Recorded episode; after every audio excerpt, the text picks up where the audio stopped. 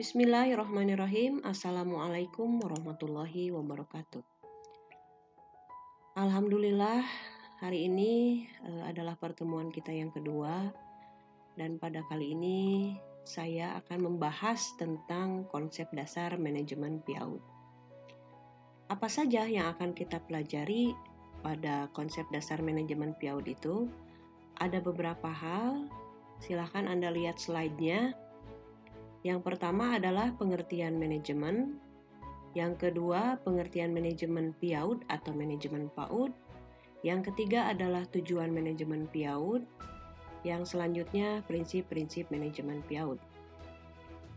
Nah, slide selanjutnya eh, tujuan dari eh, pembelajaran ini adalah yang pertama Mahasiswa diharapkan memahami pengertian manajemen secara umum dan khusus. Ya, jadi Anda diharapkan memahaminya secara umum dan khusus. Kemudian diharapkan juga Anda memahami tujuan dari manajemen PIAUD. Selanjutnya, Anda juga diharapkan memahami prinsip-prinsip manajemen PIAUD. Mahasiswa juga diharapkan memahami dengan baik konsep dasar manajemen PIAUD. Jadi setelah Anda memahami pengertian secara umum, mengerti tujuan manajemen PIAUD, dan prinsip-prinsipnya, Anda diharapkan mampu memiliki pemahaman yang baik tentang konsep dasar manajemen PIAUD.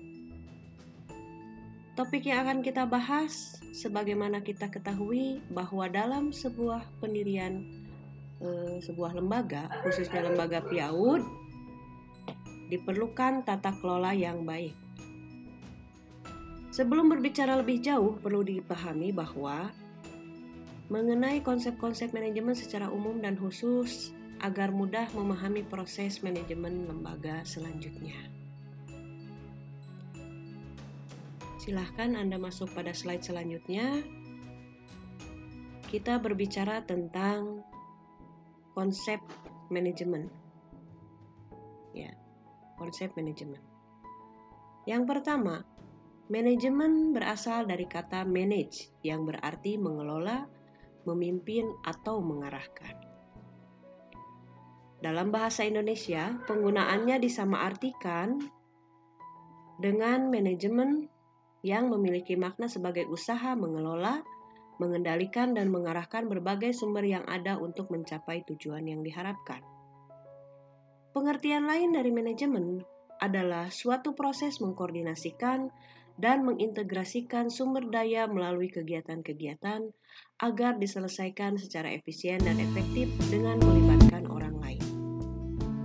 Dengan demikian, manajemen PIAUD atau manajemen PAUD adalah suatu usaha mengelola, mengatur, dan atau mengarahkan proses interaksi edukatif antara anak didik dengan pendidik dan lingkungannya secara terencana, teratur, dan sistematis untuk mencapai tujuan pendidikan Islam anak usia dini.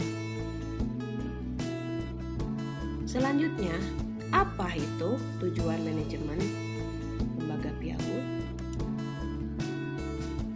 Tujuan manajemen lembaga PIAUD adalah dapat dicapai melalui efisiensi dalam hal biaya-biaya pengeluaran, akan tetapi hasil didapat optimal dan efektivitas dengan cara mengambil langkah-langkah yang tepat dalam mengambil setiap keputusan sehingga tujuan lembaga dapat tercapai. Jadi manajemen itu adalah efektivitas dan efisiensi sumber daya yang ada baik itu sumber daya keuangan, sumber daya manusia, ataupun sumber-sumber daya yang lain. Ya, jadi itu tujuan manajemen agar mendapatkan hasil yang baik melalui kinerja yang efisien dan efektivitas atau kinerja yang efektif gitu ya. Selanjutnya prinsip-prinsip manajemen. Prinsip-prinsip manajemen ada empat. Yang pertama adalah komitmen. Ya. Manajemen penyelenggaraan PAUD harus didasarkan pada komitmen pendidik atau guru orang tua, dan penyelenggara agar tujuan pendidikan lembaga yang bermuara pada optimalisasi tumbuh kembang anak dapat berkembang secara maksimal. Nah, makna dari komitmen ini lebih tertuju pada adanya suatu kemauan, tekad, keinginan, serta kemampuan pendidik, orang tua, dan penyelenggara untuk mewujudkan suatu situasi pendidikan yang akan memiliki dampak terhadap terjadinya optimalisasi perkembangan tumbuh kembang anak. Jadi pada intinya harus ada komitmen yang kuat guru, orang tua, penyelenggara, dan mungkin lingkungan sekitar atau masyarakat agar tumbuh kembang anak ini bisa berjalan dengan optimal. Prinsip selanjutnya adalah profesionalisme. Nah, profesionalitas ini dalam penyelenggaraan lembaga PAUD merupakan prinsip yang paling mendasar dan beda dengan pengelolaan yang non-profesional. Pengelolaan lembaga PAUD yang profesional didasarkan pada kesesuaian antara landasan konseptual penyelenggaraan dengan praktik penyelenggaraan PAUD. Kesesuaian tersebut menunjukkan bahwa penyelenggara menguasai konsep-konsep dasar penyelenggaraan dan praktik pelaksanaannya. Jadi konsep yang dirujuk itu didasarkan pada landasan teoretik yang benar dan sudah teruji. Ya, jadi yang namanya profesional itu sesuatu hal yang sangat mendasar dan perlu perhatian yang khusus. Jadi profesional itu memang kalau sebuah lembaga tidak didasarkan pada sikap profesionalitas itu akan akhirnya akan e, tidak tidak terlalu baik akhirnya gitu ya hasilnya. Selanjutnya prinsip selanjutnya adalah koordinasi atau kesatuan kerja. Nah, proses manajerial penyelenggaraan PAUD harus didasarkan pada adanya koordinasi yang baik dan jelas antara guru sebagai pelaksana langsung yang berhadapan dengan orang tua dan anak, kepala sekolah sebagai pembina dan pengawas, serta yayasan sebagai lembaga yang memayungi. Jadi prinsip koordinasi ini merupakan suatu usaha untuk menggerakkan dan melibatkan semua sumber daya manusia sebagai satu kesatuan untuk mencapai satu tujuan yang sama. Diharapkan melalui upaya ini, kegiatan manajerial akan memberikan ruang gerak yang sama antara seluruh komponen sumber daya manusia serta fungsi dan kedudukannya. Jadi koordinasi itu juga penting. Jadi jangan eh, bergerak sendiri artinya ya harus ada koordinasi. Prinsip selanjutnya adalah kepemimpinan.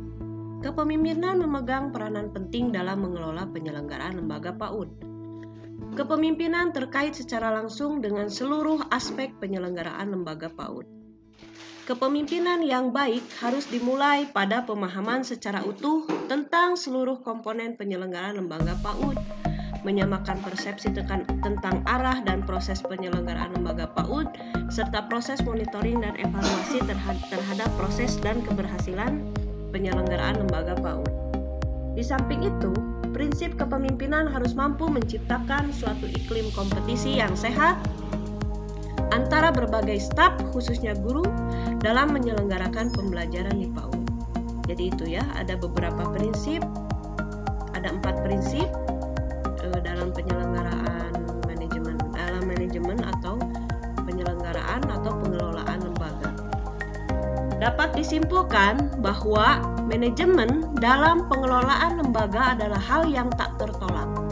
Suatu lembaga atau organisasi mana pun tidak akan berhasil tanpa pengelolaan yang baik. Sesuatu yang terorganisir dengan baik akan menghasilkan yang baik pula.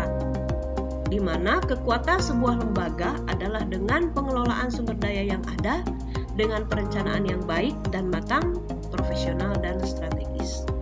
Demikian penjelasan singkat dari saya. Terima kasih. Semoga Anda bisa memahami. Wassalamualaikum warahmatullahi wabarakatuh.